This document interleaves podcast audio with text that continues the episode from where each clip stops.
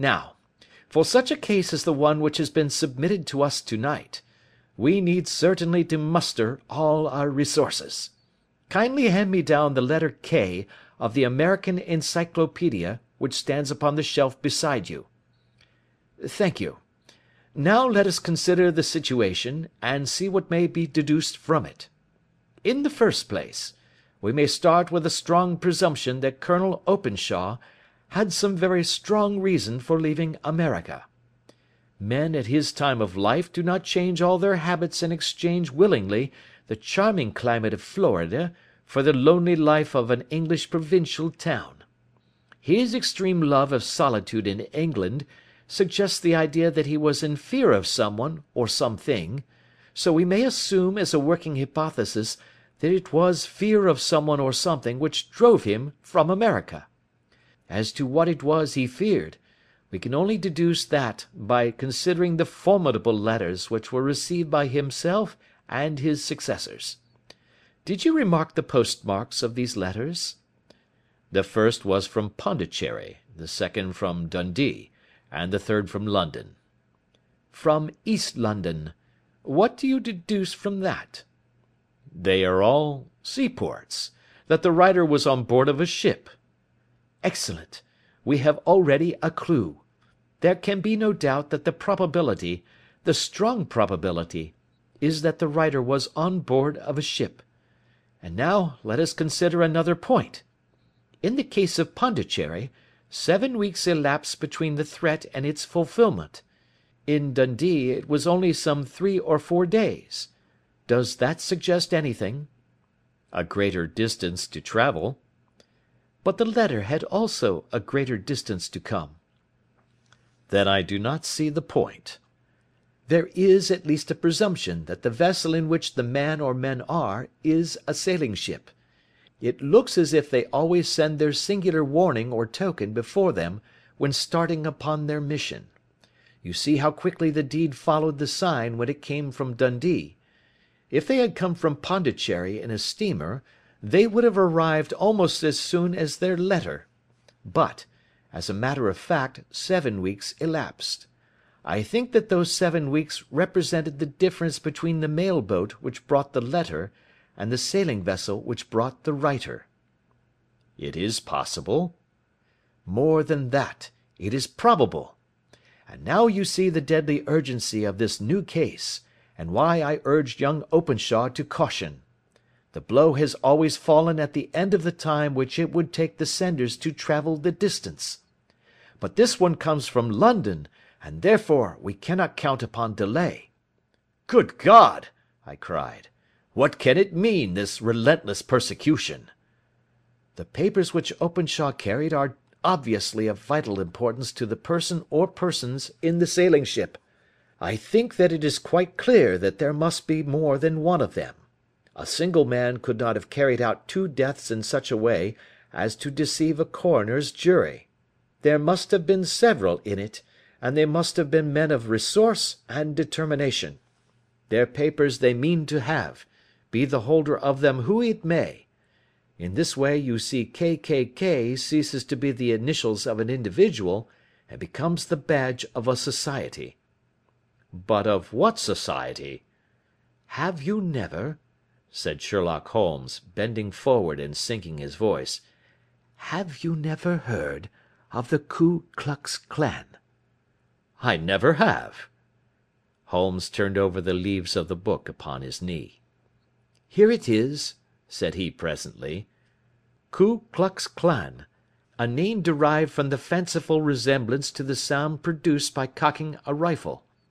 This terrible secret society was formed by some ex Confederate soldiers in the Southern States after the Civil War, and it rapidly formed local branches in different parts of the country, notably in Tennessee, Louisiana, the Carolinas, Georgia, and Florida. Its power was used for political purposes, principally for the terrorising of the negro voters and the murdering and driving from the country of those who were opposed to its views.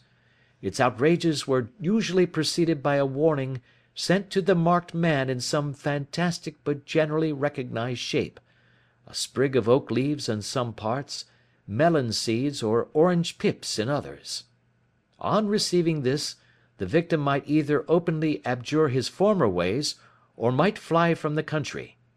If he braved the matter out, death would unfailingly come upon him, and usually in some strange and unforeseen manner. So perfect was the organisation of the Society, and so systematic its methods, that there is hardly a case upon record where any man succeeded in braving it with impunity, or in which any of its outrages were traced home to the perpetrators. For some years the organisation flourished in spite of the efforts of the United States Government and of the better classes of the community in the South. Eventually, in the year 1869, the movement rather suddenly collapsed, although there have been sporadic outbreaks of the same sort since that date.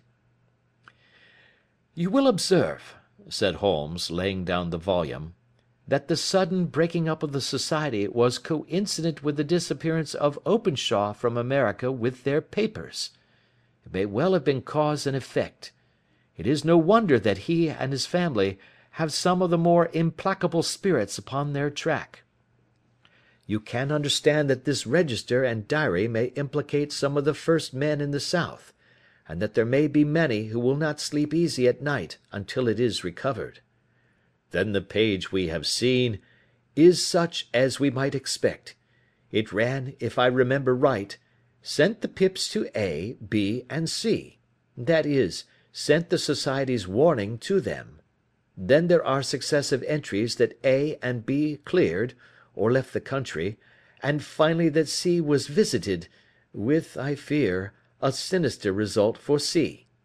Well, I think, doctor, that we may let some light into this dark place, and I believe that the only chance young Openshaw has in the meantime is to do what I have told him.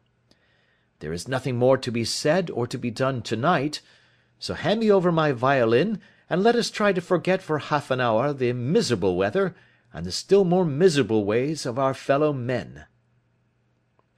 It had cleared in the morning, and the sun was shining with a subdued brightness through the dim veil which hangs over the great city. Sherlock Holmes was already at breakfast when I came down. "You will excuse me for not waiting for you," said he.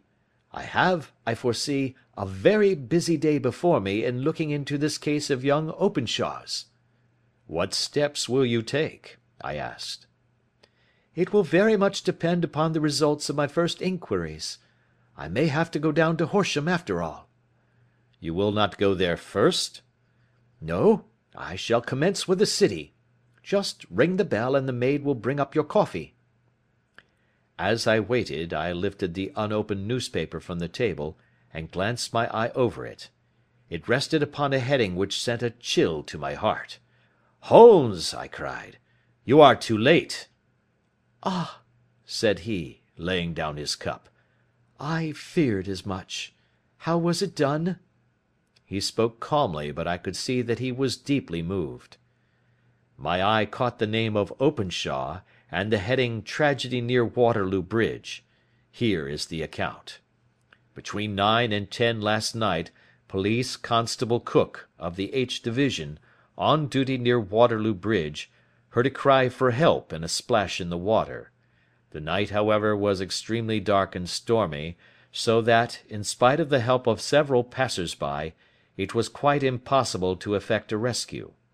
The alarm, however, was given, and by the aid of the water police the body was eventually recovered. It proved to be that of a young gentleman whose name, as it appears from an envelope which was found in his pocket, was John Openshaw and whose residence is near Horsham.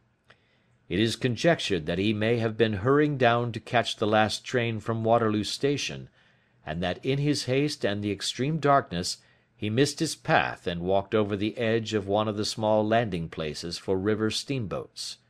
The body exhibited no traces of violence, and there can be no doubt that the deceased had been the victim of an unfortunate accident which should have the effect of calling the attention of the authorities to the condition of the riverside landing stages.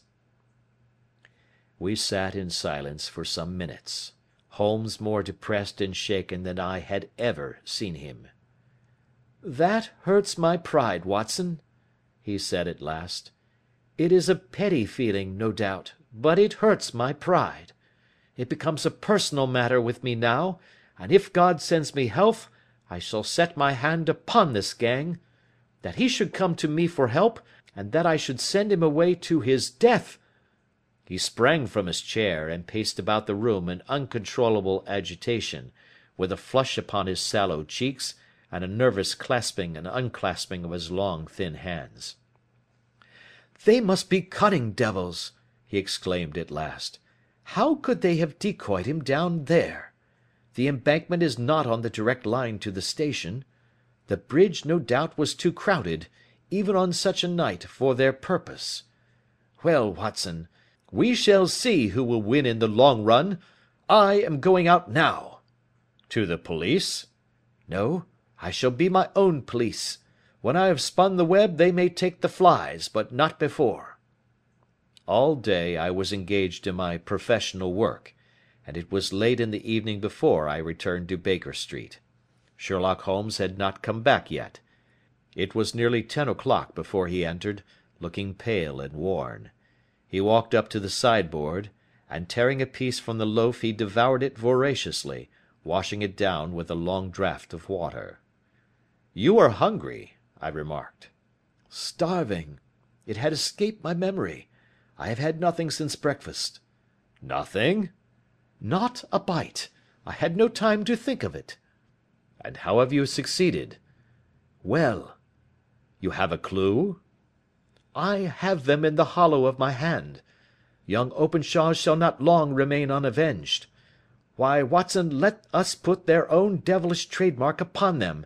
It is well thought of." "What do you mean?" He took an orange from the cupboard, and tearing it to pieces he squeezed out the pips upon the table. Of these he took five and thrust them into an envelope. On the inside of the flap he wrote "S.H. for J.O." Then he sealed it, and addressed it to Captain James Calhoun, bark Lone Star, Savannah, Georgia. "This will await him when he enters port," said he, chuckling. "It may give him a sleepless night. He will find it as sure a precursor of his fate as Openshaw did before him." "And who is this Captain Calhoun?" "The leader of the gang. I shall have the others, but he first. How did you trace it, then?" He took a large sheet of paper from his pocket, all covered with dates and names. "I have spent the whole day," said he, "over Lloyd's registers and files of the old papers, following the future career of every vessel which touched at Pondicherry in January and February in '83. There were thirty six ships of fair tonnage which were reported there during those months. Of these, one the Lone Star, instantly attracted my attention, since, although it was reported as having cleared from London, the name is that which is given to one of the States of the Union. Texas, I think. I was not and am not sure which, but I knew that the ship must have an American origin. What then? I searched the Dundee records, and when I found that the bark Lone Star was there in January '85 my suspicion became a certainty. I then inquired as to the vessels which lay at present in the port of London. Yes. The Lone Star had arrived here last week. I went down to the Albert Dock, and found that she had been taken down the river by the early tide this morning, homeward bound to Savannah. I wired to Gravesend, and learned that she had passed some time ago, and as the wind is easterly I have no doubt that she is now past the Goodwins and not very far from the Isle of Wight." "What will you do, then?" "Oh, I have my hand upon him. He and the two mates are, as I learn, the only native born Americans in the ship. The others are Finns and Germans. I know also that they were all three away from the ship last night.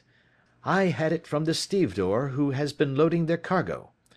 By the time that their sailing ship reaches Savannah, the mail boat will have carried this letter, and the cable will have informed the police of Savannah that these three gentlemen are badly wanted here upon a charge of murder." There is ever a flaw, however, in the best laid of human plans, and the murderers of John Openshaw were never to receive the orange pips which would show them that another, as cunning and as resolute as themselves, was upon their track. Very long and very severe were the equinoctial gales that year. We waited long for news of the Lone Star of Savannah, but none ever reached us. We did at last hear that somewhere, far out in the Atlantic, a shattered sternpost of a boat was seen swinging in the trough of a wave, with the letters L.S. carved upon it; and that is all which we shall ever know of the fate of the Lone Star.